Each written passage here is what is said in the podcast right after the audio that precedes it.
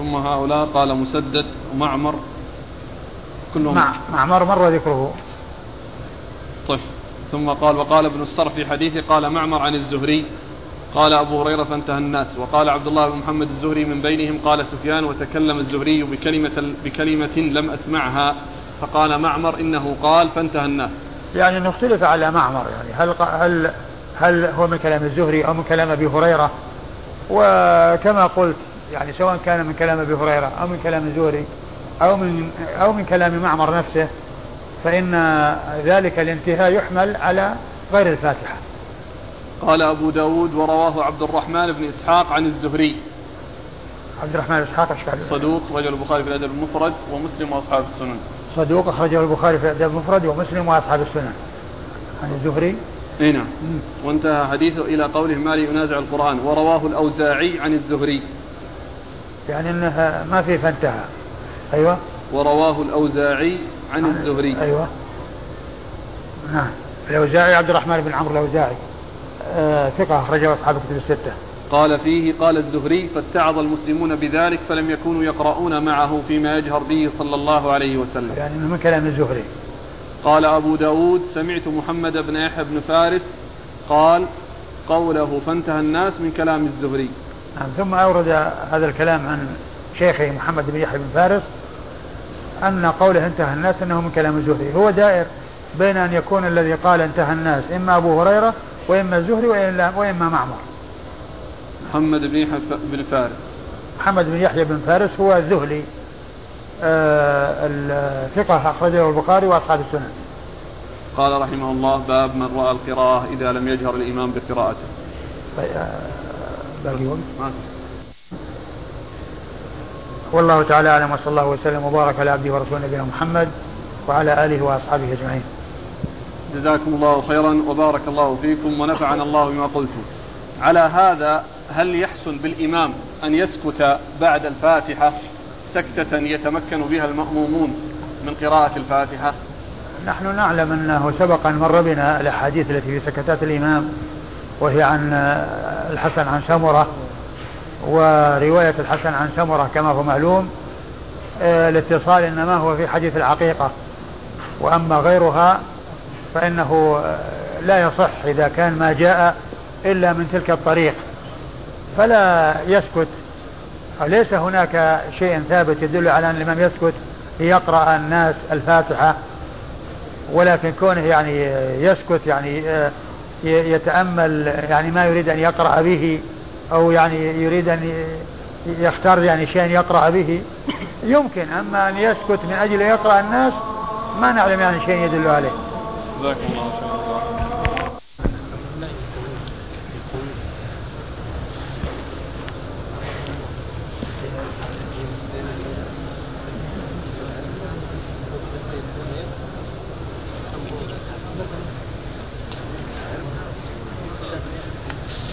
الله الرحمن الرحيم. الحمد لله رب العالمين.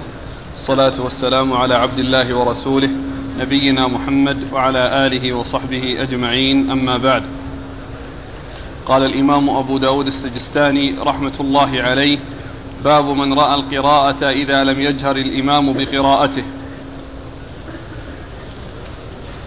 قال حدثنا أبو الوليد الطيالسي قال حدثنا شعبة قال حاء وحدثنا محمد بن كثير العبدي. قال أخبرنا شعبة المعنى عن قتادة عن زرارة عن عمران بن حسين رضي الله عنه أن النبي صلى الله عليه وآله وسلم صلى الظهر فجاء رجل فقرأ خلفه سبح اسم ربك الأعلى. فلما فرغ قال أيكم قرأ؟ قالوا رجل. قال قد عرفت أن بعضكم خال جنيها. قال أبو داود قال الوليد في حديثه. قال أبو الوليد. قال أبو الوليد في حديثه قال شعبة فقلت لقتادة أليس قول سعيد؟ أنصت للقرآن. أيوة. قال ذاك إذا جهر به. وقال ابن كثير في حديثه قال قلت لقتادة كأنه كره قال لو كرهه نهى عنه. بسم الله الرحمن الرحيم. الحمد لله رب العالمين وصلى الله وسلم وبارك على عبده ورسوله نبينا محمد وعلى آله وأصحابه أجمعين. أما بعد يقول الإمام أبو داود رحمه الله تعالى باب من رأى قراءة المأموم إذا جهر باب من رأى القراءة إذا لم يجهر الإمام بقراءته. باب من رأى القراءة إذا لم يجهر الإمام في قراءته المقصود من هذه الترجمة أن المأموم آه، إذا أسر الإمام فإنه يقرأ ولكنه لا يجهر بحيث يشوش على الإمام وعلى غير الإمام وإنما يقرأ الفاتحة وكذلك سورة يقرأ الفاتحة وغيرها. لأن لأنه ليس هناك معارضة ومقابلة أو تنافي مع قراءة الإمام لأن لأنه إذا جهر يسمع يستمع له ولكنه إذا أسر ليس هناك استماع. فالمأموم يقرأ ولا يسكت. ويقرأ الفاتحة وغير الفاتحة. وقد عرفنا فيما مضى أن العلماء لهم في حق المأموم الذي يصلي وراء الإمام ثلاثة أقوال. القول الأول أنه يقرأ الفاتحة دون غيرها فيما إذا جهر الإمام وفيما إذا أسر. يعني فيما إذا جهر يقتصر على الفاتحة وفيما إذا كانت الصلاة سرية يقرأ الفاتحة وغير الفاتحة أي المأموم. والقول الثاني يقول بأنه لا يقرأ لا في الجهرية ولا في السرية ليس على المأموم قراءة سواء أسر الإمام أو جهر. أسر الإمام أو جهر. والقول الثالث يقول إنه في الجهرية لا يقرأ وفي السرية يقرأ يفصل ويفرق بين الصلوات الجهرية والصلوات السرية. ففي السرية يقرأ لأنه ليس هناك قراءة قرآن حتى يستمع له. وفي الجهرية يستمع ولا يقرأ. والقول الراجح هو القول الأول الذي يدل الذي هو القول بلزوم القراءة. على المأموم أي قراءة الفاتحة في جميع الأحوال سواء أسر الإمام أو جهر وأما بالنسبة لغير الفاتحة فلا يقرأها في الجهرية ولكن يقرأها مع الفاتحة في السرية. والدليل على هذا أن النبي عليه الصلاة والسلام قال آه لا تفعلوا إلا بفاتحة الكتاب أو إلا أن يقرأ أحدكم بفاتحة الكتاب فإنه لا صلاة لمن لم يقرأ بأم الكتاب. هذا هو هذه الأقوال الثلاثة وقد عرفنا أنه آه، سواء أسر الإمام أو جهر فإن الصحيح هو القراءة ولكنه لا يجهر في الصلوات السرية لأنه بذلك يشوش على الإمام وعلى غير الإمام. وأما كونه يقرأ سرا فإن هذا مطلوب منه ولا محذور فيه ولا مانع منه. وقد أورد أبو داود حديث عمران بن حسين رضي الله تعالى عنه أن النبي صلى الله عليه وسلم صلى بهم الظهر ثم لما انصرف قال أيكم قرأ؟ صلى الظهر فجاء رجل فقرأ خلفه سبح اسم ربك الأعلى.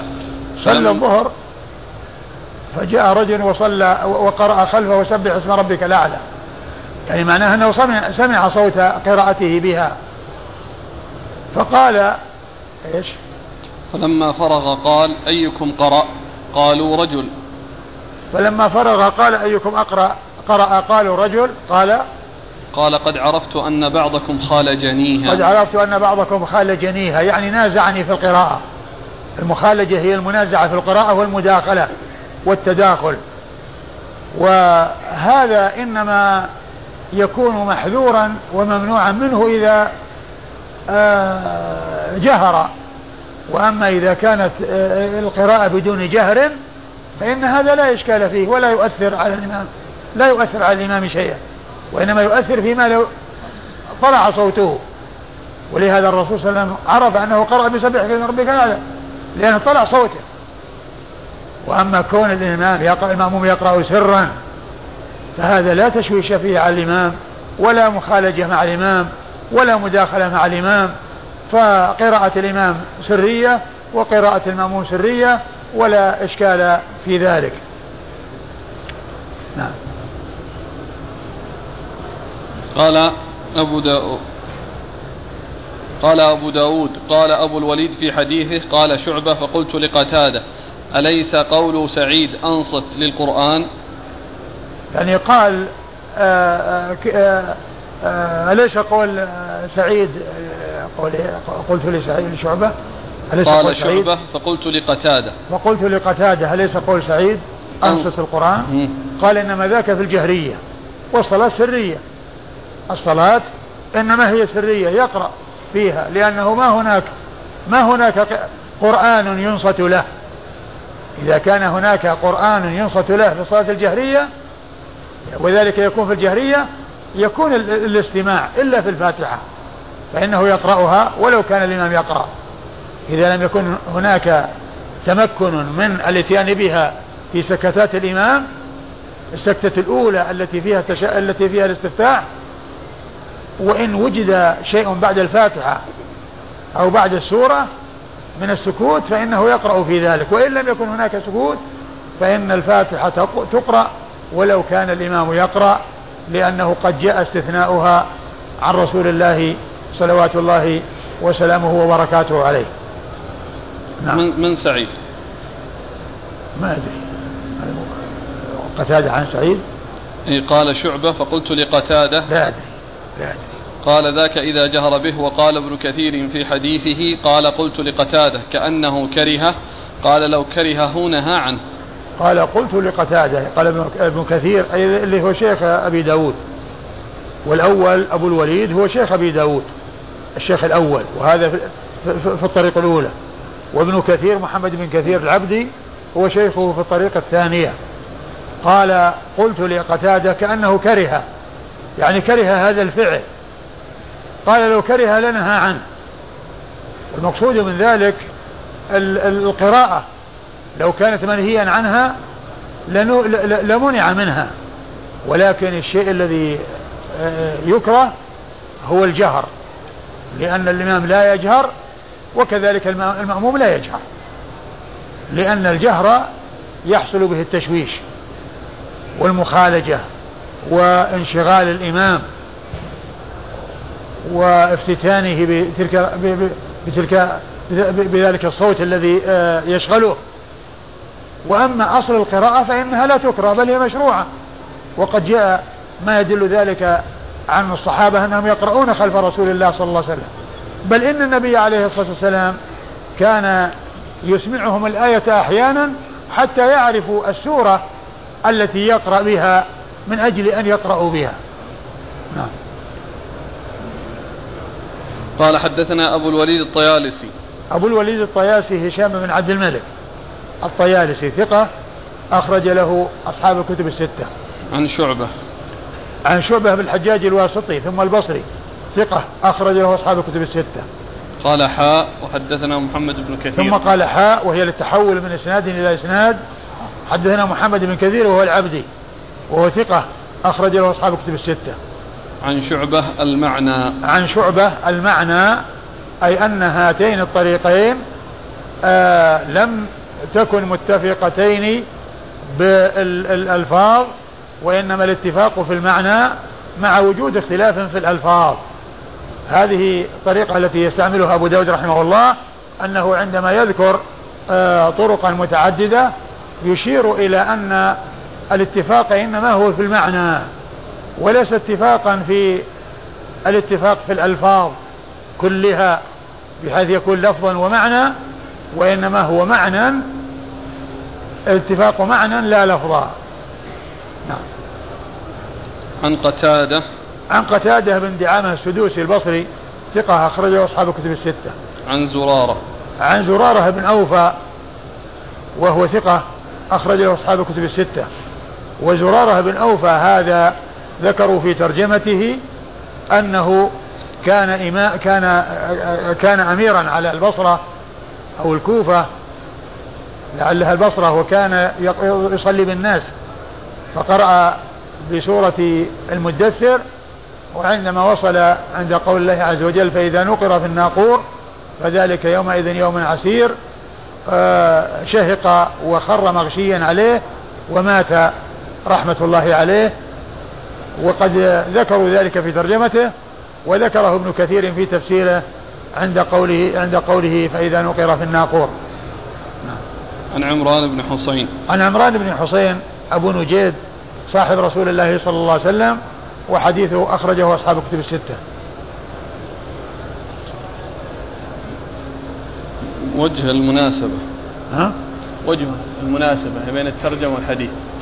وجه المناسبة أن فيه قراءة. أن أن فيه قراءة يعني آه، فيما أسر به الإمام وأنه يقرأ فيما أسر به الإمام. وهذا فيه أن ذلك المأموم قرأ سبح اسم ربك الأعلى وراء الإمام. فإذا آه الإمام المأموم يقرأ فيما أشار فيه الإمام يعني غير الفاتحة. وقوله صلى الله عليه وسلم قد علمت أن بعضكم عرفت أن بعضكم خال جنيها. قد عرفت أن بعضكم خال جنيها يعني بكونه سمع صوته لا لكونه يعني أسر بها لأنهم كلهم يسرون وكلهم يقرؤون.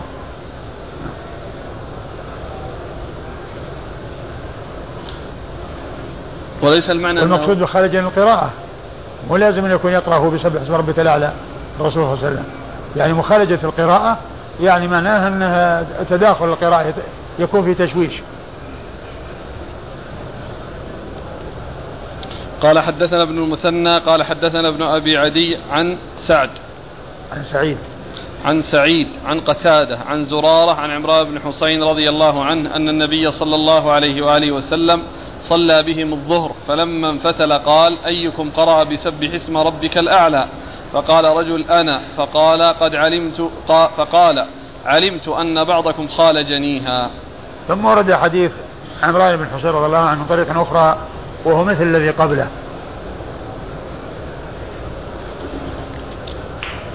قال حدثنا ابن المثنى. ابن المثنى محمد بن المثنى العنزي أبو موسى الملقب الزمن وهو مشهور بكنيته.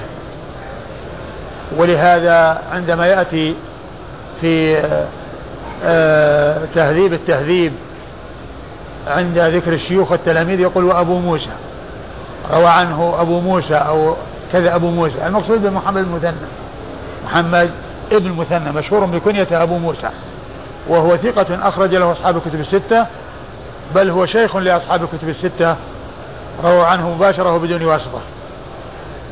عن ابن أبي عدي. محمد المثنى عن ابن أبي عدي. وهو محمد بن إبراهيم ابن أبي عدي منسوب إلى جده. ثقة أخرج له أصحاب الكتب الستة. عن سعيد. عن سعيد وهو ابن أبي عروبة هو ثقة أخرج له أصحاب الكتب الستة. هو سعيد وليس سعد. نعم لأن ابن أبي عدي ليس له شيخ اسمه سعد. في في تهذيب الكمال. وإنما الذي يروي عنه آه، يروي عنه ابن أبي عدي وأيضا هو مشهور بالرواية عن عن قتادة سعيد بن أبي عروبة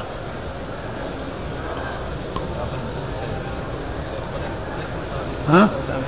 إيش؟ وليس من تلاميذ قتادة إلا ابن أبي عروبة ما أدري عاد أظن إيش؟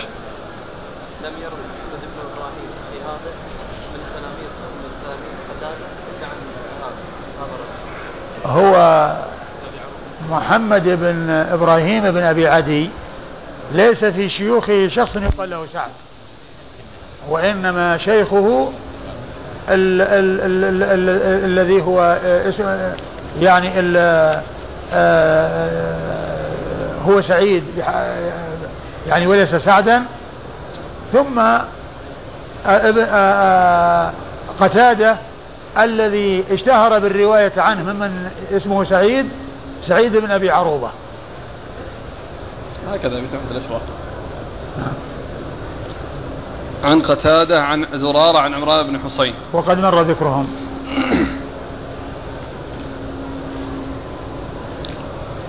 قال رحمه الله تعالى باب ما يجزئ الأمي والأعجمي من القراءة. قال حدثنا وهب بن بقية قال أخبرنا خالد عن حميد الأعرج عن محمد بن المنكدر عن جابر بن عبد الله رضي الله عنهما أنه قال خرج علينا رسول الله صلى الله عليه وآله وسلم ونحن نقرأ القرآن وفينا الأعرابي والأعجمي فقال اقرأوا فكل حسن وسيجيء أقوام يقيمونه كما يقام القدح يتعجلونه ولا يتأجلونه ثم ورد أبو داود رحمه الله هذه الترجمة وهي قراءة ال... باب ما يجزئ الأمي والأعجمي من القراءة. باب ما يجزئ الأمي والأعجمي من القراءة. الأمي هو الذي لا يقرأ ولا يكتب.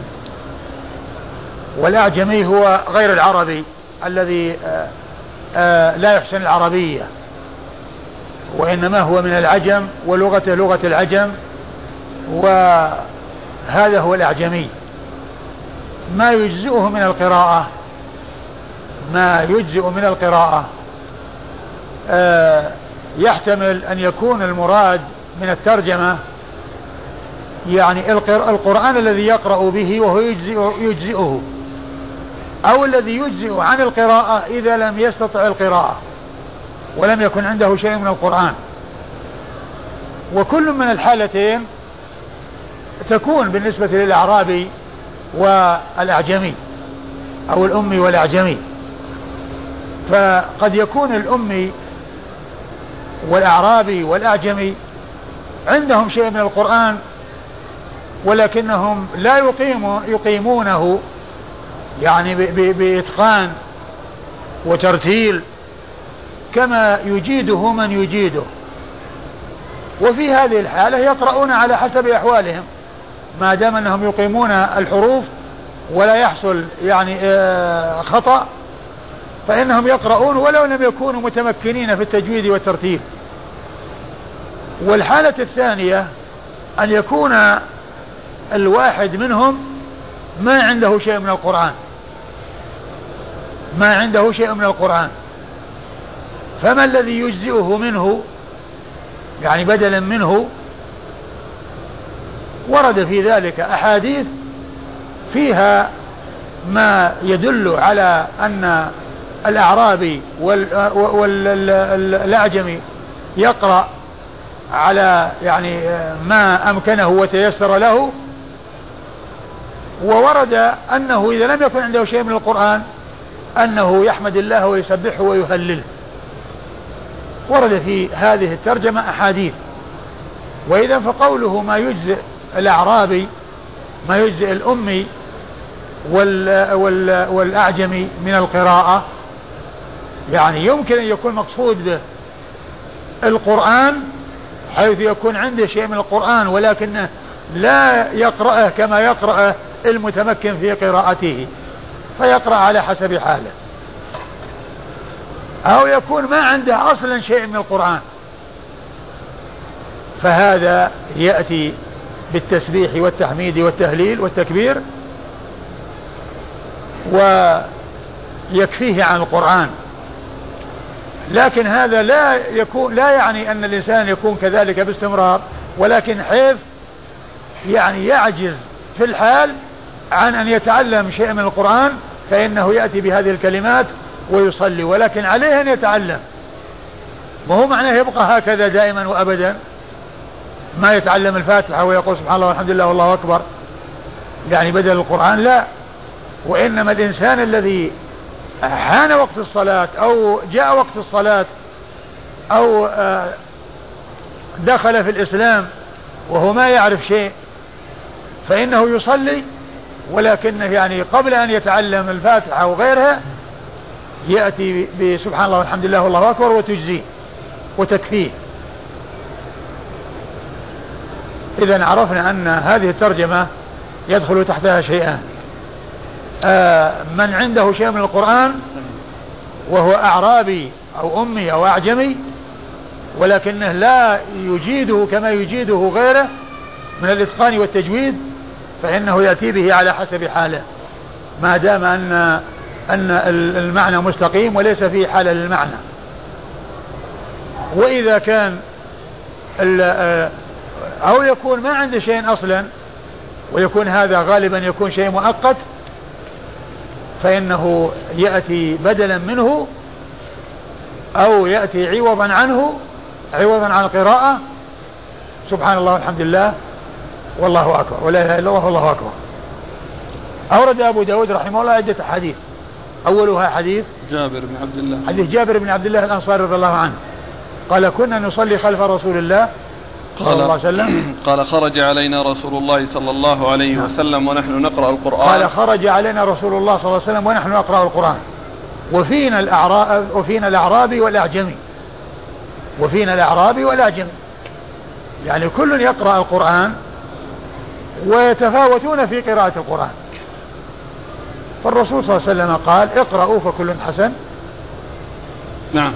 اقرأوا فكل حسن. اقرأوا فكل حسن. يعني كل كل كل حسن. يعني ما ما عند الأعرابي وما عند الأعجمي وما يقدر عليه من القراءة حسن. وسي وسي وسيجيء. نعم. وسيجيء أقوام يقيمونه كما يقام القدح يتعجلونه ولا يتأجلونه وسيجيء أقوام يقيمونه كما يقام القدح. وهو ال ال ال في السهام. التي يرمى بها يقيمونه كما يقام القدح يتعجلونه ولا يتأجلونه يعني أنهم يتقنون القرآن ويحسنون قراءته ويتمكنون من قراءته ولكن همهم الدنيا وليس همهم الآخرة. يريدون تعجل الثواب دون أن أن يؤجلوا الثواب. يكون همهم الدنيا وليس همهم الآخرة همهم الفانية وليس همهم الباقية. وليس هذا تزهيد في إقامة القرآن والعناية بالقرآن فإن ذلك محمود. ولكن المحذور هو كونهم يجيدون القرآن ويتقنونه ولكن همهم الدنيا ويتعجلون الثواب ولا يتعجلونه هذا هو المذموم. وأما إقامة القرآن وإتقانه والحرص على إجادته دون تكلف ودون مبالغة فإن ذلك مطلوب وسائغ. وإذا فالذي أخبر عنه الرسول صلى الله عليه وسلم إخبار عن أناس هذه صفتهم.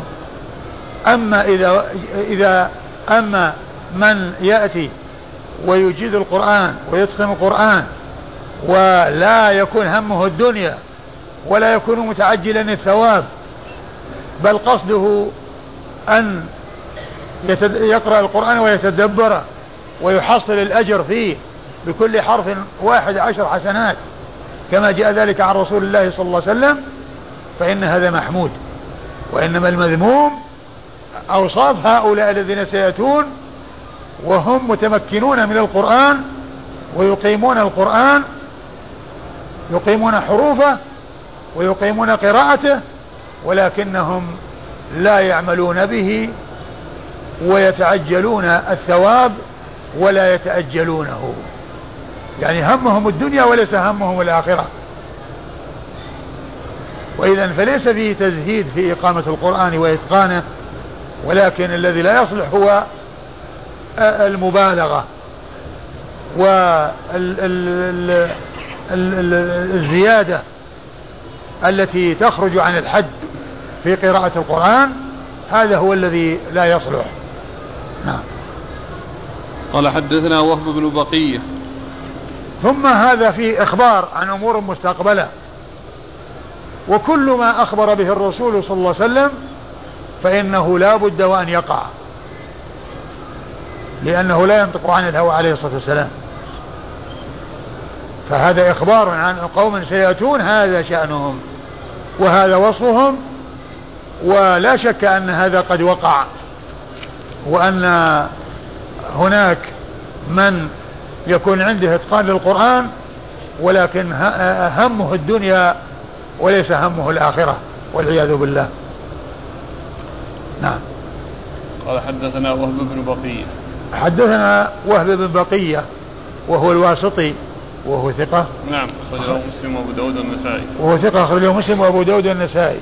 عن خالد. عن خالد بن عبد الله الواسطي. خالد هو بن عبد الله الواسطي وهو ثقة أخرجه أصحاب كتب الستة. عن حميد الأعرج. عن حميد الأعرج وهو لا بأس به أخرجه أصحاب كتب الستة. عن محمد بن المنكدر. عن محمد بن المنكدر وهو ثقة أخرجه أصحاب كتب الستة.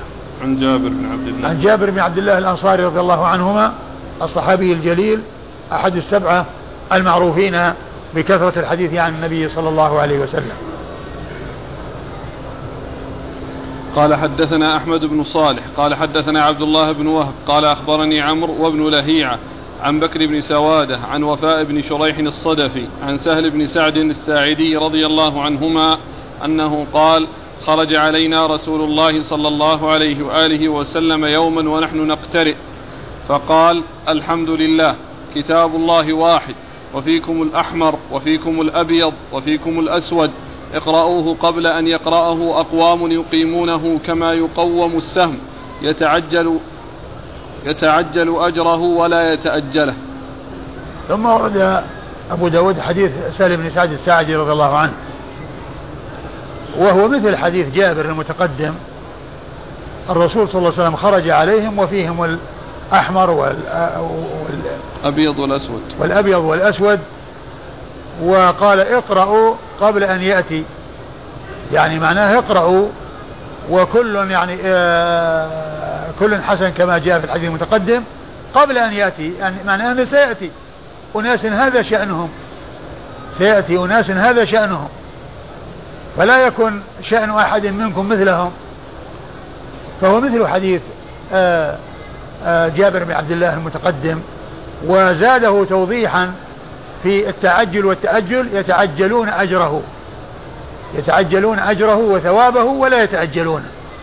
يعني يريدون الدنيا ولا يريدون الآخرة يريدون العاجلة ولا يريدون الآخرة. نعم. ما يستقيم أبدا ما يستقيم لأن الحديث هو واضح يتعجلون الأجر.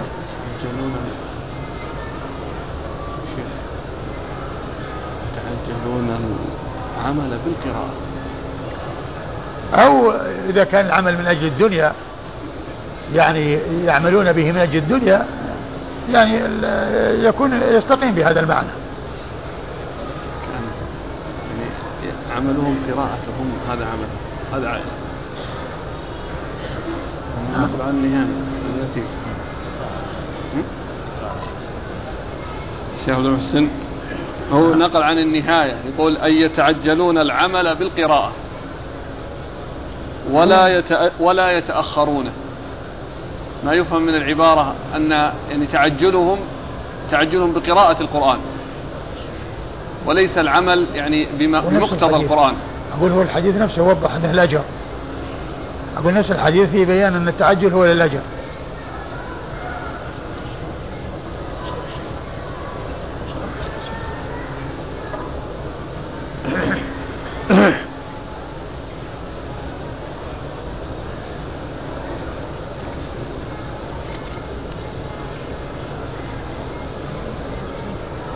قال حدثنا أحمد. بعدين هذا هذا النقل من النهاية هل هو صحيح؟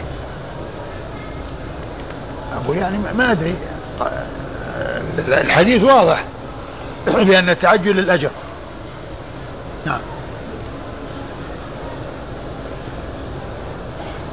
قال حدثنا أحمد بن صالح. أحمد بن صالح المصري ثقة أخرج له مسلم أخرجه البخاري وأبو داود والترمذي في الشمائل. عن عبد الله بن وهب. عن عبد الله بن وهب المصري ثقة فقيه أخرج له أصحاب كتب الستة. عن عمرو. عن عمرو بن الحارث المصري ثقة أخرج له أصحاب كتب الستة. وابن لهيعة.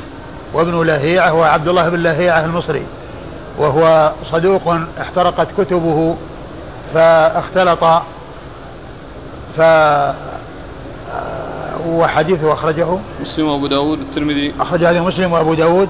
والترمذي وابن ماجه. والترمذي وابن ماجه. النسائي ما كان يحدث عنه بل إذا جاء ذكره في مثل هذا الإسناد الذي فيه القرن بينه وبين غيره يقول النسائي حدنا فلان ورجل آخر. يبهمه. يعني لا يحذفه لأن لأن الإسناد فيه رجلين. لأن الإسناد فيه رجلين لكن هو لا يخرج لهذا الرجل فكان يحافظ على الإسناد ولكنه يبهم الثاني الذي هو باللهيعة مثل هنا عمر وباللهيعة عمر وباللهيعة يعني النسائي طريقته عندما يأتي آه، يأتي يأتي إسناد فيه باللهيعة مقرون مع غيره يقول فلان ورجل آخر يبهمه. نعم. عن بكر بن سوادة. عن بكر بن سوادة أيضا المصري وباللهيعة مصري وهو نعم كلهم مصريين. وبكر بن سوادة آه، المصري ثقة. نعم. أخرج له البخاري تعليقا ومسلم وأصحاب السنن البخاري تعليقا ومسلم وأصحاب السنن عن وفاء بن شريح الصدفي. عن وفاء بن شريح الصدفي وهو أيضا مصري وهو مقبول أخرج له أبو داود. مقبول أخرج له أبو داود. عن سهل بن سعد الساعدي. عن سهل بن سعد الساعدي رضي الله عنه صاحب رسول الله صلى الله عليه وسلم وحديثه أخرجه أصحاب الكتب الستة وكونه مقبول آه، لا يؤثر ذلك لأن لأنه بمعنى الحديث المتقدم.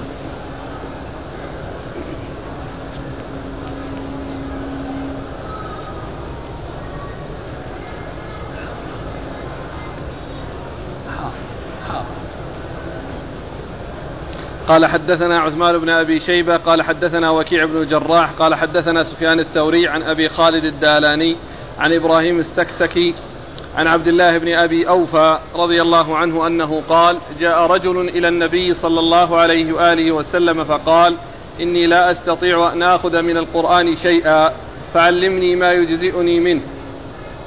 قال قل سبحان الله والحمد لله ولا إله إلا الله والله أكبر ولا حول ولا قوة إلا بالله العلي العظيم.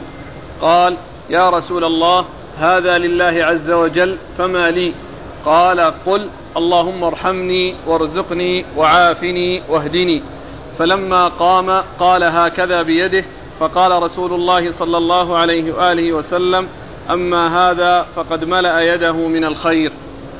ثم أورد أبو داود رحمه الله حديث عبد الله بن أبي أوفى رضي الله عنه. أنه جاء رجل إلى رسول الله صلى الله عليه وسلم وقال يا رسول الله أنني لا أستطيع أن آخذ من القرآن شيئا. لا أستطيع أن آخذ من القرآن شيئا. فعلمني إيش؟ نعم. فعلمني ما يجزئني منه. فعلمني ما يجزئني منه. أنني لا أستطيع أن آخذ من القرآن شيئا. فعلمني ما يجزئني منه. ليس معنى ذلك أنه لا يستطيع أنه يعني يأخذ من القرآن شيئا أبدا. ولكنه يعني لعله في الحال. يعني في الحال لا يستطيع ولكن يريد أن يصلي ويريد أن آه، آه، يعلمه النبي صلى الله عليه وسلم شيئا يجزئه يعني عن القراءة أو بدل القراءة حتى يتمكن يعني من أن يأخذ شيئا. والذي يستطيع أن يعرف هذه الكلمات يمكن أن يعرف الفاتحة.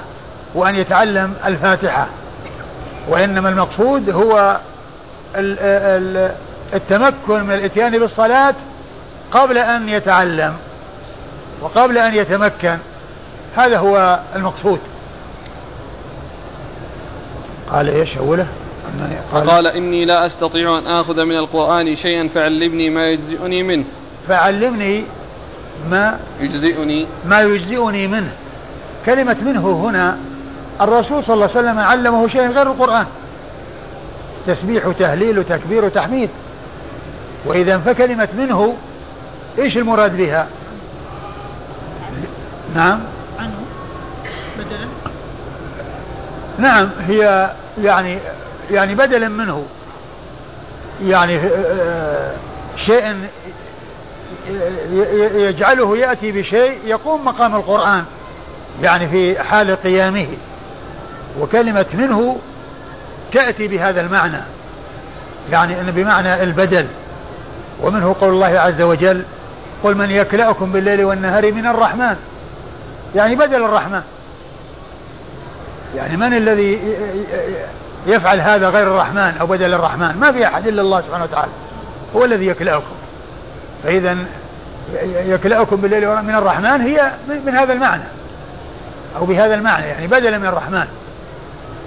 ومنه قول الشاعر جارية لم تأكل المرققة ولم ولم تذق من من البقول الفستقة. يعني بدل البقول. بدل البقول الفستقة. فإذا فقوله منه يعني بدلا منه أو شيء يعني يجزي عنه بدلا منه. لأنه لو كان المقصود يجي شيء من القرآن يعلم شيء من القرآن. يعني لو كانت تبعيض يعني لشيء من القرآن يكون التعليم وهو يريد شيئا غير القرآن. يعني وهذا يعني آه، حتى يتمكن. وليس معنى ذلك أنه يستمر دائما وأبدا ما يتعلم القرآن ولا يتعلم شيء من القرآن وإنما يأتي بهذه الكلمات. فلما قال له الرسول صلى الله عليه وسلم هذه المقالة قال هذا لربي. هذا كله ثناء على الله عز وجل. ما في سؤال. ما في يعني طلب. يعني وشيء أرجوه يعني يحصل لي.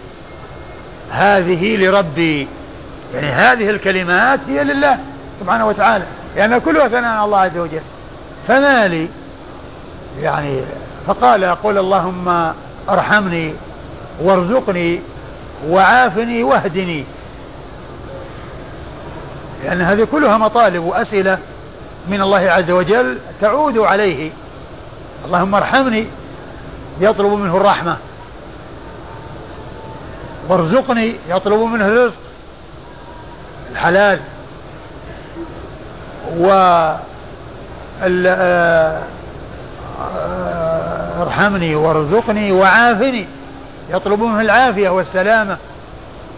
واهدني يعني ثبتني على الهدى الحاصل وزدني من الهدى فهو يطلب التثبيت على ما قد حصل ويطلب المزيد مما لم يحصل من الهداية. ولهذا اهدنا الصراط المستقيم صراط الذين أنعمت عليهم غير المغضوب عليهم الضالين. طلب الهداية لشيئين التثبيت على الهداية الحاصلة وطلب المزيد من الهداية.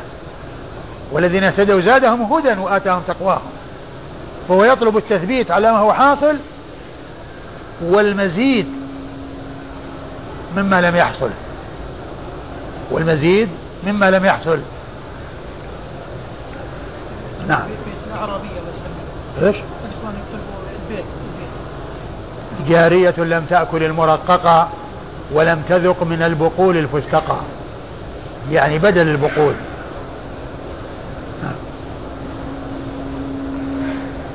فلما قام قال هكذا بيده. فلما قام أي السائل أو الرجل هكذا بيده. يعني يعني يعني قال يعني هي بمعنى فعل. يعني قال بيده هكذا أي فعل هكذا.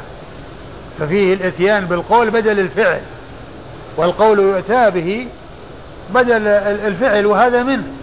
يعني قال بيده هكذا يعني فعل بيده يعني قبضها. يعني كأنه قبض يعني هذه الأشياء التي عدها يعني معناها أنه قبض عليها وأنه آه، آه، مسكها وأنه حفظها وأنه آه، أبقى عليها. فالرسول صلى الله عليه وسلم قال أما هذا فقد ملأ يده من الخير. فقد ملأ يده من الخير. نعم.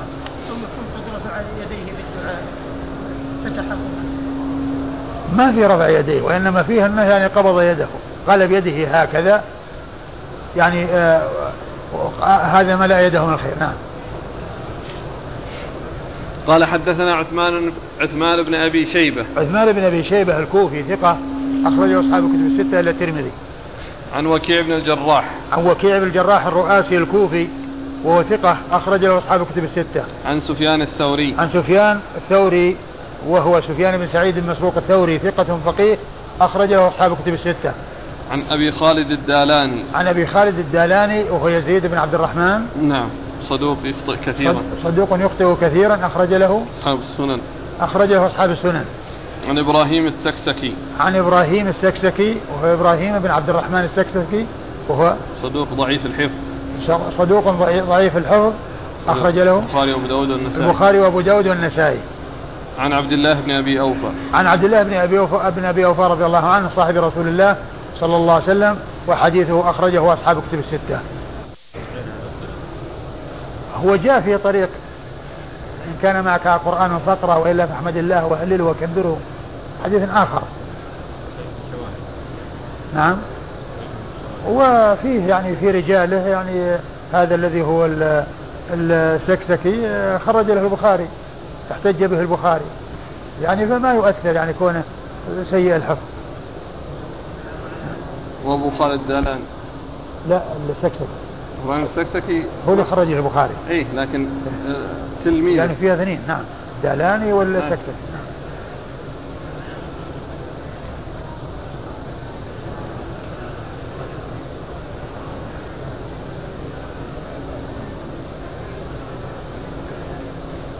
قال حدثنا أبو توبة الربيع بن نافع. قال أخبرنا أبو إسحاق عن الفزاري عن حميد عن الحسن عن جابر بن عبد الله رضي الله عنهما أنه قال كنا نصلي التطوع ندعو قياما وقعودا ونسبح ركوعا وسجودا ثم ورد أبو داود رحمه الله حديث جابر قال كنا نصلي التطوع فندعو قياما نعم. وقعودا ونسبح ركوعا وسجودا ونسبح ركوعا وسجودا يعني أنهم آه، كانوا يدعون في حال قيامهم كانوا يدعون في حال قيامهم. يعني بدل القرآن أو مع القرآن لكن الحديث لم يثبت لأن لأن لأنه أولا فيه انقطاع وثانيا هو موقوف على جابر. موقوف على جابر وليس من كلام الرسول صلى الله عليه وسلم. نعم. ثم أيضا ال ال جاء نصوص عن رسول الله صلى الله عليه وسلم تدل على أنه لا بد من قراءة الفاتحة وأنه لا بد من قراءة القرآن. فيعني مع ضعف الحديث هو مخالف للأحاديث التي فيها يعني إيجاب القراءة والإلزام بالقراءة. نعم. قال حدثنا أبو توبة الربيع بن نافع. أبو توبة الربيع بن نافع ثقة أخرج له البخاري وأصحاب السنن. أبو توبة. البخاري وأصحاب السنن إلا غيره أصحاب الكتب إلا الترمذي. نعم أصحاب الكتب الستة إلا الترمذي. عن أبي إسحاق يعني الفزاري. عن أبي إسحاق يعني الفزاري وهو إبراهيم بن محمد. وهو إبراهيم محمد ثقة أخرجه أصحاب الكتب. نعم. ثقة أخرجه أصحاب الكتب الستة. عن حميد. عن حميد عن من؟ عن الحسن عن حميد. إيش هو الطويل ولا؟ نعم نعم. حميد بن أبي حميد الطويل. يعني ذاك المتقدم حميد الأعرج. نعم. حميد بن أبي حميد الطويل ثقة أخرجه أصحاب الكتب الستة. عن الحسن, عن الحسن بن أبي الحسن البصري وهو ثقة أخرجه أصحاب الكتب الستة. عن جابر وجابر بن عبد الله الأنصاري صاحب رسول الله عليه الصلاة والسلام وقد مر ذكره ولم يسمع الحسن من جابر فهو منقطع ومع ذلك هو موقوف على جابر فهو غير ثابت وغير صحيح. ومع ذلك معارض, معارض بالأحاديث التي فيها لزوم القراءة يعني في حال وإنما الدعاء آه، إنما يكون في حق من لا يقدر على القراءة يعني مؤقتا كما سبق في الحديث الذي قبل هذا. أما أن يكون آه، عملهم في حال القيام الدعاء بدل القراءة فهذا لم يثبت ولم يصح. يعني هذا الذي جاء عن جابر رضي الله تعالى عنه. إيش؟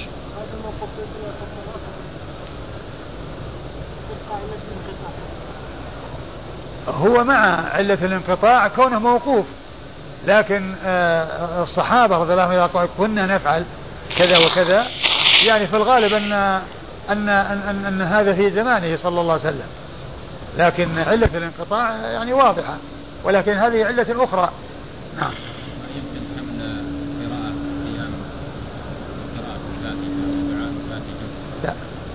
ما يحمل لأنه يقول لأنه يعني قال ندعو يعني قال ندعو فقط ندعو. يعني معنى هذا أن أن عملهم في حال القيام هو الدعاء. لكن الحديث لم يثبت. قال حدثنا جاء عن الحسن لما سيأتي. نعم.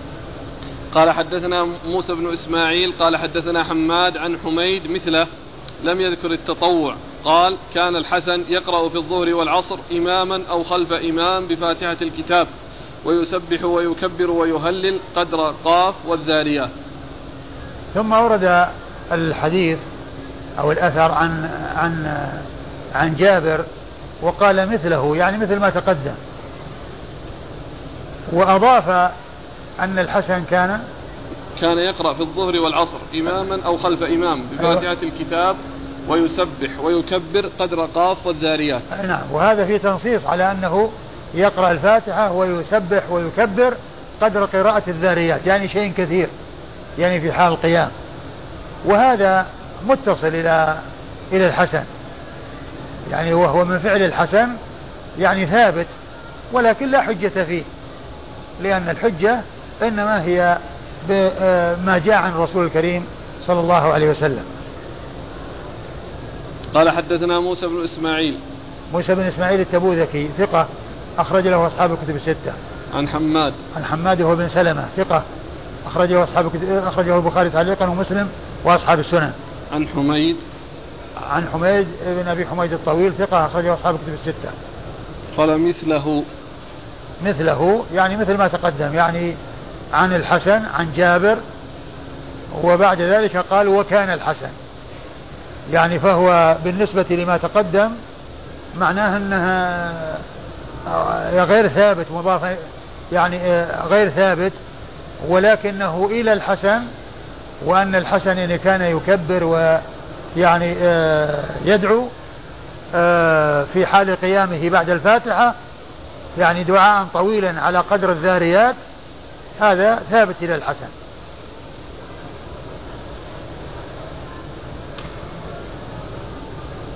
قال رحمه الله تعالى باب تمام التكبير.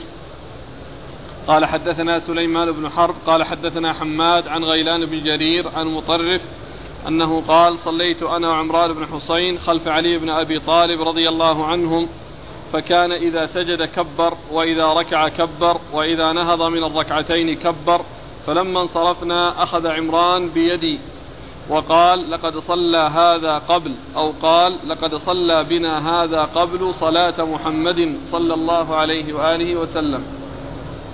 ثم ورد أبو داود رحمه الله الترجمة وهي تمام التكبير. يعني كونه يؤتى بالتكبير في جميع الأحوال التي ورد وردت السنة بها عن رسول الله صلى الله عليه وسلم. وهي عند كل خفض ورفع عند تكبير عند الدخول في الصلاة. وعند كل خفض ورفع إلا عند القيام من الركوع فيقال سمع الله لمن حمده. وإلا عند التسليم يقال السلام عليكم ورحمة الله. وما عدا ذلك كله تكبير. تكبيرة الإحرام عند الركوع عند السجود عند القيام من السجدة الأولى عند السجدة الثانية عند القيام من السجدة الثانية كل ذلك تكبير. فهذا هو تمام التكبير يعني يأتي به في جميع الأحوال وفي جميع الانتقالات من من من ركن إلى ركن يعني من القيام إلى الركوع من القيام إلى السجود من القيام من السجود من من من السجود بعد الجلوس من القيام بعد السجدة الثانية. هذا هو التكبير وهذا المقصود بتمام التكبير. يعني يأتي به في جميع المواضع التي ورد فيها. وتمام التكبير الاتيان به في هذه المواضع فيكون في الفجر 11 تكبيرة لأن كل ركعة فيها خمس وتكبيرة الإحرام. وصلاة المغرب فيها سبعة عشر. ثلاث ركعات كل ركعة فيها خمس وتكبيرة الإحرام وتكبيرة القيام من التشهد الأول.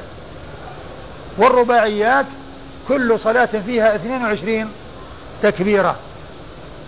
فتكون تكبيرات الصلوات الخمس في اليوم والليلة 94 94 تكبيرة في اليوم والليلة. يقول الله أكبر في صلاة الفرض. هذا هو تمام التكبير. الإتيان في جميع المواضع. ذكر إتمام التكبير إلى أنه سيأتي أن فيه حذف التكبير في بعض المواضع وأنه لا يؤتى بالتكبير لا يؤتى بالتكبير. لكن لعل ذاك محمول على أنه إخفاء التكبير وليس يعني حذفا له وعدم الإتيان به. لكن الإتيان به في آه الإمام فإنه يجهر به ويأتي به ويأتي به في جميع المواضع. هذا هو المقصود بتمام التكبير. أورد أبو داود رحمه الله حديث علي. أو حديث نعم. من هو اللي يروي عن علي؟ عمران. عمران بن الحصين. أن علي رضي الله عنه صلى. هو حديث حديث عمران. أن عليا صلى بهم صلاة فكان يكبر. فكان إذا سجد كبر. وإذا كان إذا سجد كبر. يعني إذا هوى من القيام للسجود كبر. وإذا ركع كبر. و إذا وإذا ركع كبر. يعني عندما يكون قائما يكبر. وبعد ما يرفع من السجود من الركوع ويكبر عند الهوي للسجود. نعم. وإذا نهض من الركعتين كبر. وإذا نهض من الركعتين كبر. يعني القيام من التشهد الأول. نعم. قال مطرف فلما انصرفنا أخذ عمران بيدي وقال لقد صلى هذا قبل أو قال لقد صلى بنا هذا قبل صلاة محمد صلى الله عليه وآله قال عمران بن حسين لقد صلى بنا هذا قبل يعني لما صلى بنا الصلاة التي مرت صلاة رسول الله صلى الله عليه وسلم. يعني مشتملة على التكبير. مشتملة على التكبير. نعم. قال حدثنا سليمان بن حرب سليمان بن حرب ثقة أخرجه أصحاب الكتب الستة عن حماد عن حماد وهو بن زيد ثقة أخرج له أصحاب الكتب الستة. عن غيلان بن جرير. عن غيلان بن جرير وهو ثقة أخرج له أصحاب الكتب الستة. عن مطرف. عن إذا إذا جاء سليمان يروي عن حماد وهو غير منسوب فالمراد به بن زيد. يعني عكس موسى بن إسماعيل التبوذكي إذا جاء حماد غير منسوب يراد به بن سلمة وأما سليمان بن حرب إذا جاء فالمراد به حماد بن زيد. وحماد بن زيد ثقة أخرجه أصحاب كتب الستة. أيوة. عن غيلان بن جرير عن مطرف. عن مطرف بن عبد الله بن الشخير وهو ثقة أخرجه أصحاب كتب الستة. عن عمران بن حصين. عن عمران بن حصين رضي الله عنه صاحب رسول الله صلى الله عليه وسلم وحديثه أخرجه أصحاب كتب الستة. قال حدثنا عمرو بن عثمان. وهو من مسند عمران بن حصين لأنه قال أن الصلاة عليه هذه صلاة الرسول صلى الله عليه وسلم. ومعنى هذا أن هذه الهيئة التي هي على هذه الصفة هي صلاة رسول الله. فهذا هو رفعه إلى رسول الله عليه الصلاة والسلام من أبي من من عمران بن حصين رضي الله عنه. أيوه. قال حدثنا عمران بن آه، قال حدثنا عمرو بن عثمان. نعم. قال حدثنا مش بعده؟ أبي. أبي. لا أبي. مضبوطة هي إيه. لا خطأ. أبي. قال حدثنا أبي وبقية عن نعم. شعيب عن الزهري أنه قال أخبرني أبو بكر بن عبد الرحمن وأبو سلمة أن أبا هريرة رضي الله عنه كان يكبر في كل صلاة من المكتوبة وغيرها يكبر حين يقوم ثم يكبر حين يركع ثم يقول سمع الله لمن حمده. ثم يقول ربنا ولك الحمد قبل أن يسجد. ثم يقول الله أكبر حين يهوي ساجدا. ثم يكبر حين يرفع رأسه. ثم يكبر حين يسجد. ثم يكبر حين يرفع رأسه. ثم يكبر حين يقوم من الجلوس في الاثنتين فيفعل ذلك في كل ركعة حتى يفرغ من من الصلاة. ثم يقول حين ينصرف والذي نفسي بيده إني لأقربكم شبها بصلاة رسول الله صلى الله عليه وآله وسلم. إن كانت هذه إن كانت هذه لصلاته حتى فارق الدنيا. قال أبو داود هذا الكلام الأخير يجعله مالك والزبيدي وغيرهما عن الزهري عن علي بن حسين ووافق عبد الأعلى عن معمر شعيب بن أبي حمزة عن الزهري. ثم ورد أبو داود حديث أبي هريرة رضي الله عنه.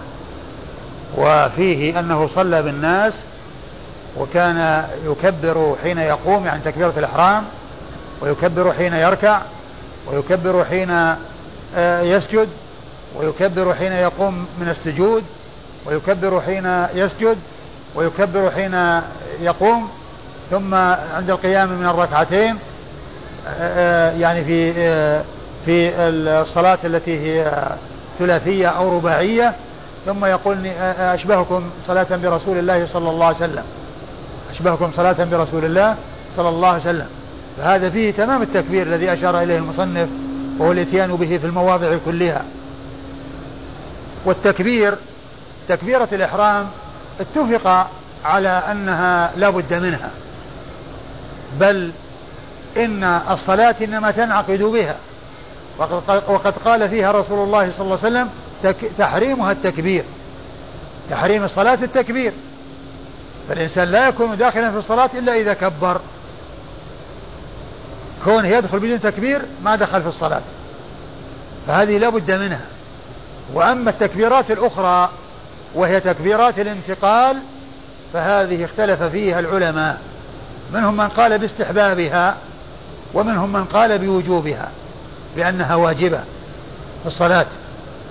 ولكن التكبيرة الأولى في الإحرام هذه ركن لا بد منه بل إنها هي التي يكون بها الدخول في الصلاة وبدونها لا يكون لا يكون الإنسان داخلا في الصلاة. لا يكون الإنسان داخلا في الصلاة بدون أن يقول الله أكبر التي هي تكبيرة الإحرام. إيش أول الحديث؟ أن أبا هريرة رضي الله عنه كان يكبر في كل صلاة من المكتوبة وغيرها. أبو هريرة رضي الله عنه كان يكبر في كل صلاة من المكتوبة وغيرها يعني في الفرائض والنوافل. يكبر فيها جميعها. أيوة. يكبر حين يقوم. يكبر حين يقوم يعني تكبيرة الإحرام. يعني يقوم يعني معنى يكون قائما. وليس المقصود إنه يقوم من من من من سجود أو كذا لأن هذا أول الصلاة حين يقوم. يعني حيث يكون حين يكون قائما يعني يريد أن يدخل في الصلاة يكبر فيدخل في الصلاة. أيوه. ثم يكبر حين يركع. ثم يكبر حين يركع. وكلمة حين يركع يعني من حين يوجد منه الهوي للركوع. ثم يقول سمع الله لمن حمده. ثم يقول سمع الله لمن حمده عندما يقوم من الركوع. لأنه ما في تكبير. ليس فيه تكبير. يعني في هذا المقام وإنما فيه التسميع. ثم يقول ربنا ولك الحمد قبل أن يسجد. ثم يقول ربنا ولك الحمد قبل أن يسجد يعني في حال قيامه. في حال قيامه بعد الركوع وقبل السجود. ثم يقول الله أكبر حين يهوي ساجدا. ثم يقول الله أكبر حين يهوي ساجدا. يعني يكبر حين يهوي. وفي هذا التكبير أنه عند الهوي. يعني ما يكبر وهو قائم ثم يسجد ولا يكبر وهو ساجد حينما حينما يصل الأرض وإنما حين يهوي. نعم. ثم يكبر حين يرفع رأسه. ثم يكبر حين يرفع رأسه من السجود من السجدة الأولى. ثم يكبر حين يسجد. ثم يكبر حين يسجد السجدة الثانية. ثم يكبر حين يرفع رأسه. ثم يكبر حين يرفع رأسه من السجدة الثانية. ثم, يكبر حين يقوم من الجلوس في اثنتين. ثم يكبر حين يقوم من الجلوس في اثنتين. نعم. فيفعل ذلك في كل ركعة حتى يفرغ من الصلاة. فيفعل ذلك في كل ركعة حتى يفرغ من الصلاة. يعني كل ركعة فيها خمسة تكبير خمس تكبيرات. تكبير عند الركوع وتكبير عند السجود وتكبير عند القيام من السجود وتكبير عند السجود الثاني وتكبير عند القيام من السجدة الثانية عند الرفع من السجدة الثانية. كل ركعة فيها خمسة خمس تكبيرات. يضاف إلى ذلك تكبيرة الإحرام وتكبيرة الانتق... تكبيرة القيام من الركعتين في في بالنسبة للصلاة الثلاثية والرباعية. ثم يقول حين ينصرف والذي نفسي بيده إني لأقربكم شبها بصلاة رسول الله صلى الله عليه وآله وسلم إن كانت هذه لصلاته حتى فارق الدنيا. ثم يقول أني أقربكم شبها برسول الله صلى الله عليه وسلم.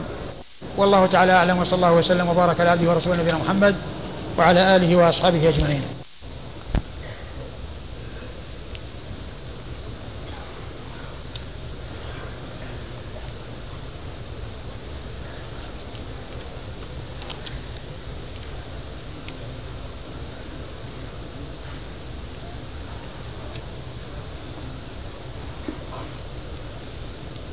حديث الأمس نعم حديث أبي هريرة اللي وقفنا عليه أي حديث أبي هريرة. أي. نعم بسم الله الرحمن الرحيم. والحمد لله رب العالمين. والصلاة والسلام على عبد الله ورسوله نبينا محمد وعلى آله وصحبه أجمعين. أما بعد قال الإمام أبو داود السجستاني رحمة الله عليه تحت باب تمام التكبير. قال حدثنا عمرو بن عثمان قال حدثنا أبي وبقية عن شعيب عن الزهري أنه قال أخبرني أبو بكر بن عبد الرحمن وأبو سلمة أن أبا هريرة رضي الله عنه كان يكبر في كل صلاة من المكتوبة وغيرها. يكبر حين يقوم ثم يكبر حين يركع ثم يقول سمع الله لمن حمده ثم يقول ربنا ولك الحمد قبل أن يسجد ثم يقول الله أكبر حين يهوي ساجدا ثم يكبر حين يرفع رأسه ثم يكبر حين يسجد ثم يكبر حين يرفع رأسه. ثم يكبر حين يقوم من الجلوس في اثنتين فيفعل ذلك في كل ركعة حتى يفرغ من الصلاة. ثم يقول حين ينصرف والذي نفسي بيده إني لأقربكم شبها بصلاة رسول الله صلى الله عليه وآله وسلم. إن كانت هذه لصلاته حتى فارق الدنيا. قال أبو داود هذا الكلام الأخير يجعله مالك والزبيدي وغيرهما عن الزهري عن علي بن حسين ووافق عبد الأعلى عن معمر شعيب بن أبي حمزة عن الزهري. بسم الله الرحمن الرحيم الحمد لله رب العالمين وصلى الله وسلم وبارك على عبده ورسوله نبينا محمد وعلى آله وأصحابه أجمعين أما بعد. هذا الحديث الذي أورده أبو داود رحمه الله تعالى تحت ترجمة باب تمام التكبير وهو حديث أبي هريرة رضي الله عنه. عرفنا فيما مضى أن تمام التكبير المراد به أن المصلي يأتي بجميع التكبيرات التي تكون في الصلوات سواء كانت مفروضة أو نافلة بحيث يأتي بها في دخول الصلاة وهي تكبيرة الإحرام ثم عند كل خفض ورفع إلا عند القيام من الركوع فإنه يقول سمع الله لمن حمده. وما عدا ذلك فإنه في كل خفض ورفع يكبر. فتمام التكبير هو أن يجعل أو أن يأتي بالتكبيرات كلها في الصلاة. وكل آه، ركعة من ركعات الصلاة فيها خمس تكبيرات. تكبيرة آه، تكبيرة عند الركوع وتكبيرة عند السجود وتكبيرة عند القيام من السجدة الأولى من السجدة الأولى وتكبيرة عند السجدة الثانية وتكبيرة عند القيام من السجدة الثانية. كل ركعة من ركعات الصلاة فيها خمس تكبيرات. وعلى هذا تكون صلاة الفجر فيها إحدى عشرة تكبيرة. تكبيرة الإحرام وخمس تكبيرات في كل ركعة من الركعتين فيكون تكون الركعات 11 والمغرب سبع عشرة. يضاف إلى الخمس عشرة التي هي خمس في كل ركعة تكبيرة الإحرام والتكبيرة عند القيام من التشهد الأول. وفي الصلاة الرباعية اثنتان وعشرون تكبيرة. أربع تكبيرات كل واحد تكبيرة فيها خمس. يضاف إلى ذلك تكبيرة الإحرام في الأول والتكبيرة عند القيام من التشهد الأول, التشهد الأول القيام من الركعتين. وعلى هذا تكون آه، التكبيرات بالنسبة للفجر 11 وفي المغرب 17 وفي كل آه، صلاة من الصلوات الرباعية آه، اثنتان تكون الركعات اثنتين وعشرين فيكون المجموع في الصلوات الخمس كلها أربعا وتسعين تكبيرة أي عند كل خفض ورفع إلا, إلا عند القيام من, من الركوع فإنه يقال سمع الله لمن حمده ولا يؤتى بالتكبير كما جاءت صفة صلاة رسول الله صلى الله عليه وسلم بذلك. وحديث أبي هريرة هذا الذي أورده المصنف تحت هذه الترجمة وقد سبق قبله حديث علي رضي الله عنه.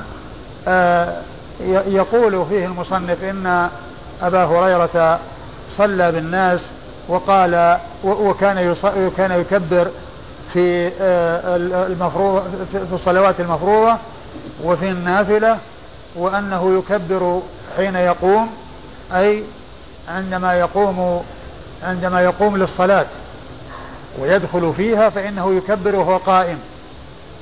ثم بعد عندما يأتي الركوع يكبر حين يركع أي أنه يكبر في حال هويه من القيام إلى الركوع وليس في حال قيامه وليس في حال ركوعه وإنما هو بين الركنين. الركن الذي هو القيام والركن الذي هو الركوع التكبير يكون بينهما. ولهذا قال حين يركع يعني في, في الوقت الذي يكون فيه يهوي للركوع يكبر. وإذا قام من الركوع يقول سمع الله لمن حمده وعندما ينتصب قائما يقول ربنا ولك الحمد ثم يكبر حين يسجد.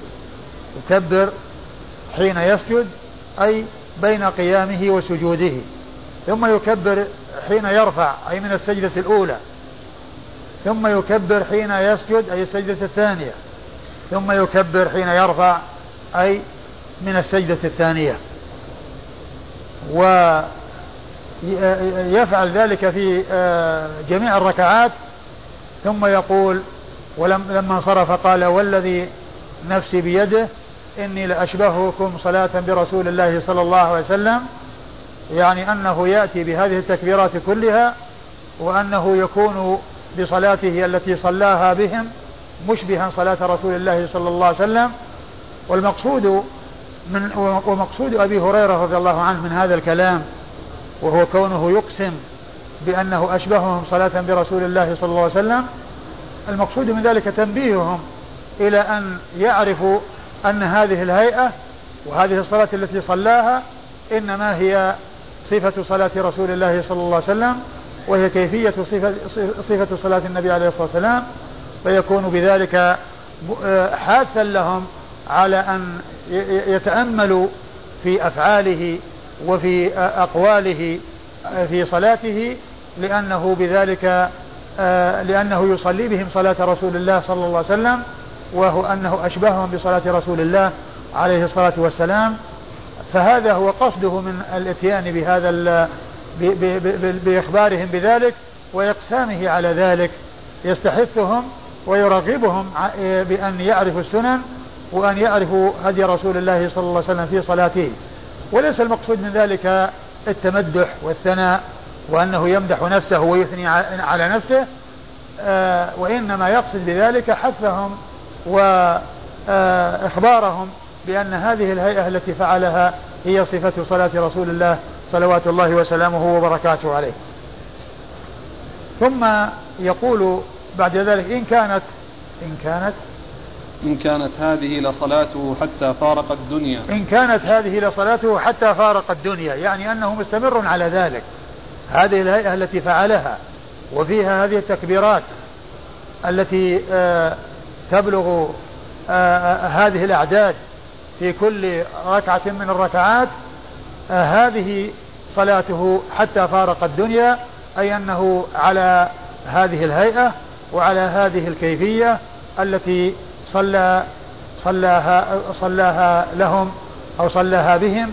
أبو هريرة رضي الله عنه صاحب رسول الله صلوات الله وسلامه وبركاته عليه. والإسناد قال حدثنا عمرو بن عثمان. قال حدثنا عمرو بن عثمان وهو عمرو بن عثمان بن سعيد بن كثير الحمصي وهو وهو صدوق أخرج له آه، أبو داود. والنسائي بن ماجه. أخرجه أبو داود والنسائي بن ماجه. عن أبيه عن أبيه وهو عثمان بن سعيد بن كثير الحمصي وهو صدوق أيضا وهو ثقة أخ وهو ثقة أخرج له. أبو داود والنسائي بن ماجه. أخ... ثقة أخرجه أبو داود والنسائي وابن ماجه. وبقية. وبقية وهو بقية بن الوليد وهو صدوق آه كثير التدريس عن الضعفاء. وكثير رواية عن الضعفاء وحديثه آه أخرجه البخاري تعليقا ومسلم وأصحاب السنن عن شعيب. عن شعيب وهو بن أبي حمزة الحمصي وهو ثقة أخرج له أصحاب الكتب الستة. عن الزهري. عن الزهري وهو محمد بن مسلم. ابن عبيد الله بن شهاب الزهري ثقة فقيه أخرج له أصحاب الكتب الستة. عن أبي بكر بن عبد الرحمن. عن أبي بكر بن عبد الرحمن بن الحارث بن هشام. وهو ثقة فقيه من فقهاء المدينة السبعة على أحد الأقوال الثلاثة في السابع منهم والفقهاء السبعة في المدينة في عصر التابعين آآ آآ سبعة سبعة من الفقهاء كانوا في مدينة الرسول عليه الصلاة والسلام في عصر التابعين وستة منهم متفق على عدهم في الفقهاء السبعة والسابع فيه خلاف على أقوال ثلاثة. والستة المتفق على عدهم في الفقهاء السبعة هم عبيد الله بن عبد الله بن عتبة بن مسعود وخارجة بن زيد بن ثابت وسعيد بن مسيب والقاسم بن محمد بن أبي بكر الصديق وسليمان بن يسار وعروة بن الزبير بن العوام. هؤلاء ستة متفق على عدهم في الفقهاء السبعة. وأما السابع ففيه ثلاثة أقوال. فقيل أبو بكر بن عبد الرحمن بن الحارث بن هشام الذي معنا هنا وقيل هو أبو سلمة بن عبد الرحمن بن عوف الذي أيضا جاء في نفس الإسناد مع أبي بكر بن عبد الرحمن. والقول الثالث أنه سالم ابن عبد الله ابن عمر ابن الخطاب. وعلى هذا فأبو بكر بن عبد الرحمن ابن الحارث بن هشام أحد فقهاء المدينة السبعة الذين اشتهروا بهذا اللقب وهو على اختلاف فيه وليس على اتفاق فيه. ولهذا فإن هؤلاء الفقهاء السبعة يأتي ذكرهم بهذا اللقب ويغني عن عدهم. كما كما يأتي في بعض المسائل الفقهية مثل مسألة عروض التجارة زكاة عروض التجارة. عندما يذكر العلماء الكلام عليها يقولون وقد قال بها الأئمة الأربعة والفقهاء السبعة. الأئمة الأربعة اللي هم أصحاب المذاهب الأربعة المشهورة أبو حنيفة ومالك والشافعي وأحمد والفقهاء السبعة هم هؤلاء السبعة الذين آه، ذكرتهم. ستة متفق, على عدهم في الفقهاء السبعة وواحد آه، والسابع منهم مختلف فيه على ثلاثة أقوال. ومعنا في هذا الإسناد اثنان من الفقهاء السبعة الذين اختلف في عدهم في الفقهاء السبعة وهم أبو بكر بن عبد الرحمن بن الحارث بن هشام وأبو سلمة بن عبد الرحمن بن عوف وكل منهما ثقة وحديثه أخرجه أصحاب الكتب الستة. عن أبي هريرة. عن أبي هريرة عبد الرحمن بن صخر الدوسي صاحب رسول الله صلى الله عليه وسلم وهو أحد السبعة المعروفين بكثرة الحديث عن النبي صلى الله عليه وسلم وهم أبو هريرة وابن عمر وابن عباس وأبو سعيد وأنس وجابر وأم المؤمنين عائشة رضي الله تعالى عنهم وعن الصحابة أجمعين ستة رجال وامرأة واحدة هؤلاء السبعة هم الذين الذين آه، رووا الأحاديث الكثيرة عن رسول الله صلوات الله وسلامه وبركاته عليه. ثم قال أبو داود نعم قال أبو داود هذا الكلام الأخير يجعله مالك والزبيدي وغيرهما عن الزهري عن علي بن حسين. قال أبو داود هذا الكلام الأخير أي إن كانت آه هذه لصلاته حتى فارق الدنيا يجعله يجعله مالك والزبيدي. يجعله مالك والزبيدي. وغيرهما عن الزهري عن علي. يجعله مالك والزبيدي وغيرهما. نعم. وغيرهما عن الزهري عن علي بن حسين. عن الزهري عن علي بن حسين. ومالك هو آه، أحد فقهاء المدينة السبعة في عصر التابعين. آه، ومالك بن أنس رحمة الله عليه هو أحد أصحاب المذاهب الأربعة المشهورة في المتبوعة مذاهب أهل السنة وحديثه أخرجه أصحاب الكتب الستة. والزبيدي هو محمد بن الوليد الزبيدي الحمصي وهو ثقة أخرج له أصحاب الكتب الستة إلا الترمذي. نعم. أخرج له أصحاب الكتب الستة إلا الترمذي. عن الزهري عن علي بن حسين. عن الزهري وقد مر ذكره علي بن حسين هو علي بن حسين ابن آآ آه، آآ آه، ابن علي بن أبي طالب زين العابدين وهو ثقة أخرج له أصحاب الكتب الستة.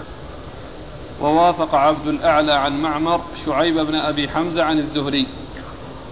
ثم قال أبو داود رحمه الله ووافق عبد الأعلى آآ آه، آه ووافق عبد الأعلى نعم عن معمر.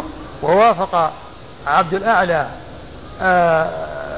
في روايته عن الزهري وافق وافق عبد الأعلى عن معمر شعيب بن أبي حمزة عن الزهري.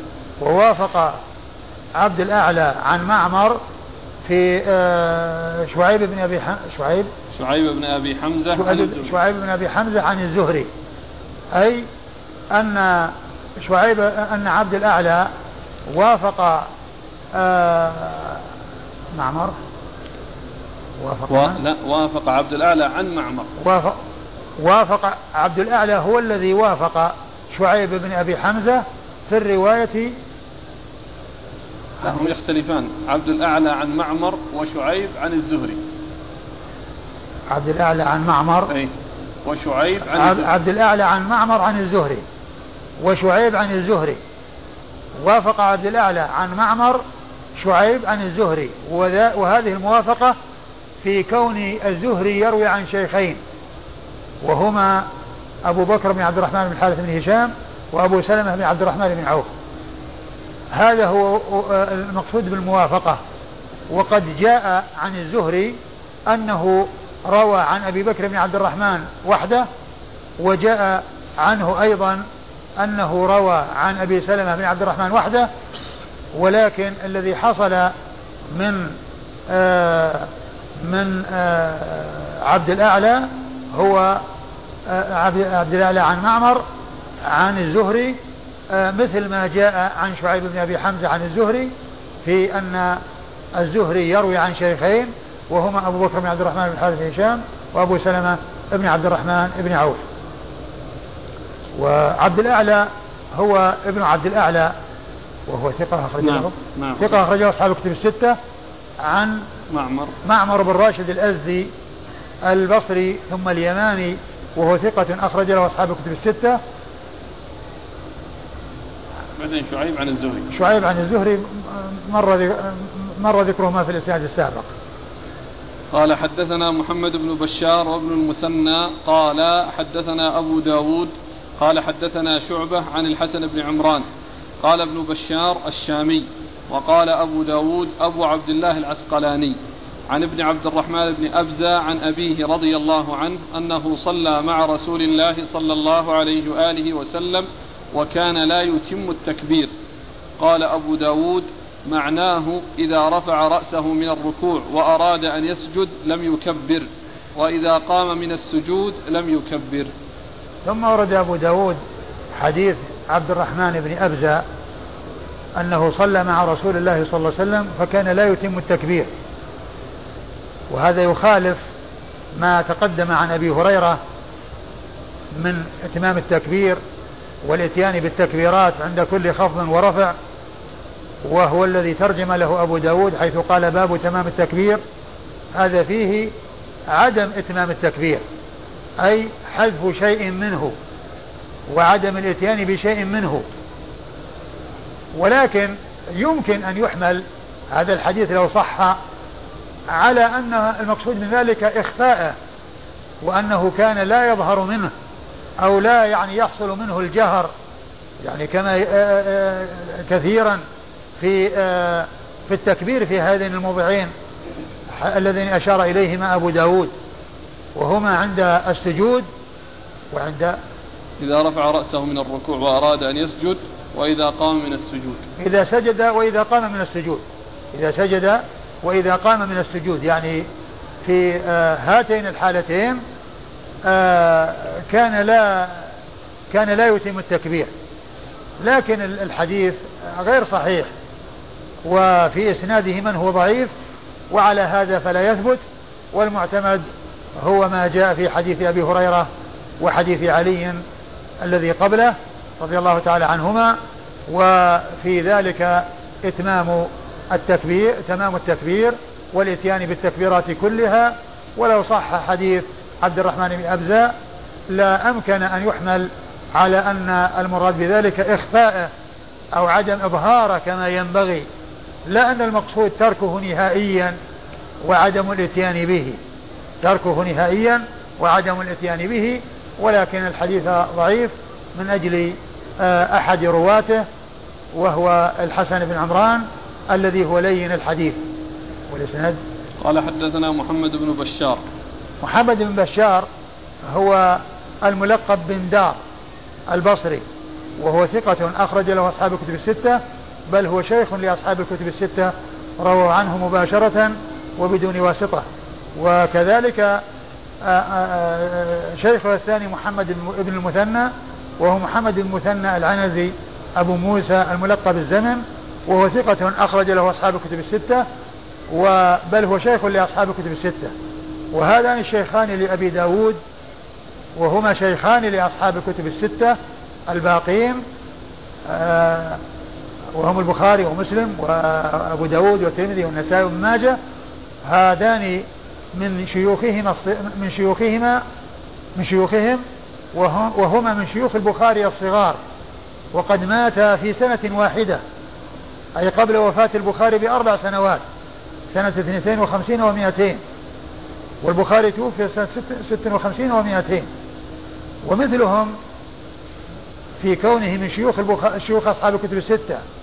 ومات في السنة التي مات فيها يعقوب بن إبراهيم الدورقي. فهؤلاء الثلاثة من صغار شيوخ البخاري وهم شيوخ لأصحاب الكتب الستة كلهم وقد مات الثلاثة قبل البخاري أي قبل وفاة البخاري بسنتين حيث توفي توفي الثلاثة في سنة 52 وتوفي البخاري يعني بعدهم بثلاث سنوات وهي سنة 56 وقد قال الحافظ ابن, ابن حجر لما ذكر ترجمة محمد بن المثنى قال وكان هو هو وابن دار كفرسي ريهان ومات في سنة واحدة. يعني أنهما متماثلان في أمور كثيرة متفقان في الشيوخ والتلاميذ وكونهما من أهل البصرة وقد مات في سنة واحدة وهي سنة 52 و 200 عن أبي داود وأبو داود هو سليمان بن داود الطيالسي. سليمان بن داود الطيالسي. وهو ثقة أخرج له البخاري تعليقا ومسلم وأصحاب السنن الأربعة. من شعبة. عن شعبة؟ نعم. عن شعبة هو بن الحجاج الواسطي ثم البصري وهو ثقة وصف بأنه أمير المؤمنين في الحديث وحديثه أخرجه أصحاب الكتب الستة. عن الحسن بن عمران. عن الحسن بن عمران وهو لين الحديث أخرج حديثه أبو داود وحده نعم. أخرج حديثه أبو داود وحده. قال ابن بشار الشامي وقال أبو داود أبو عبد الله العسقلاني. قال ابن بشار وهو شيخ أبي داود الأول من الشيخين أضاف في إسناده وفي ذكر هذا الشيخ الذي هو الحسن بن عمران فقال الشامي. فقال الشامي. يعني محمد المثنى في إسناده قال الحسن بن عمران الشامي. وأبو داود قال في إسناده العسقلاني. أبو عبد الله. أبو عبد الله العسقلاني. يعني ذكر كنيته وأنه أبو عبد الله وذكر نسبته وهي العسقلاني. و والعسقلاني لا تنافي بينها وبين آه، نسبة الشامي لأن عسقلان من بلاد الشام. ف فالذي قال عنه الشامي نسبة عامة والذي قال عنه العسقلاني نسبة خاصة لأن عسقلان هي من بلاد الشام. فكان ال ال ال ابن المثنى آه، فكان ابن بشار قال الشامي وقال أبو داود ال ال ال أبو عبد الله العسقلاني. لكن آه، يشكل على يعني هذا الكلام أن أبا أن محمد بن بشار إنما يروي عن أبي داود وهو شيخه و وهو إنما أخذ عنه وهو إنما أخذ عنه. فكونه يذكر أبو داود مع أن القول الأول أو ال ال ال الذي حكاه أولا هو من طريق أبي داود هو من طريق أبي داود. فلا أدري يعني هل يعني الكلام هذا صحيح أو أن المراد الذي قال هذا الشيخ الشيخ الثاني الذي هو ابن المثنى الذي هو بالمثنى لأن أبو داود شيخ لمحمد بن بشار والإسناد هو عن طريق أبي داود وإن وهو إنما أخذ عن آه، أبي داود. ف يعني أبو داود هو شيخ الاثنين. وعلى كل يعني هذه الإضافة هي زيادة إيضاح لهذا الرجل الذي هو الحسن بن عمران. ففي الأول ذكر نسبته إلى الشام وفي الثاني ذكر نسبته إلى إلى عسقلان وذكر بكنيته وهو أبو عبد الله. والحديث ضعيف بسبب هذا الشخص الذي هو الحسن بن عمران. أيوة عن؟ عن ابن عبد الرحمن بن أبزة. عن ابن عبد الرحمن بن أبزة وهو سعيد. ابن عبد الرحمن ابن أبزة وهو ثقة أخرج له أصحاب الكتب. وهو ثقة أخرج له أصحاب الكتب. عن أبيه عبد الرحمن بن أبزة رضي الله عنه وهو صحابي أخرج له أصحاب الكتب. وهو صحابي أخرج له أصحاب الكتب. نعم. قال رحمه الله تعالى باب كيف يضع ركبتيه قبل يديه. قال حدثنا الحسن بن علي وحسين بن عيسى قال حدثنا يزيد بن هارون قال أخبرنا شريك عن عاصم بن كليب عن أبيه عن وائل بن حجر رضي الله عنه أنه قال رأيت النبي صلى الله عليه وآله وسلم إذا سجد وضع ركبتيه قبل يديه وإذا نهض رفع يديه قبل ركبتيه. ثم ورد أبو داود رحمه الله هذه الترجمة وهي باب كيف يضع آه، ركبتيه قبل يديه. باب كيف يضع ركبتيه قبل يديه. عقد الترجمة لوضع الركبتين قبل اليدين و آه، وجعل ذلك أو آه، أو صدر ذلك بقوله كيف.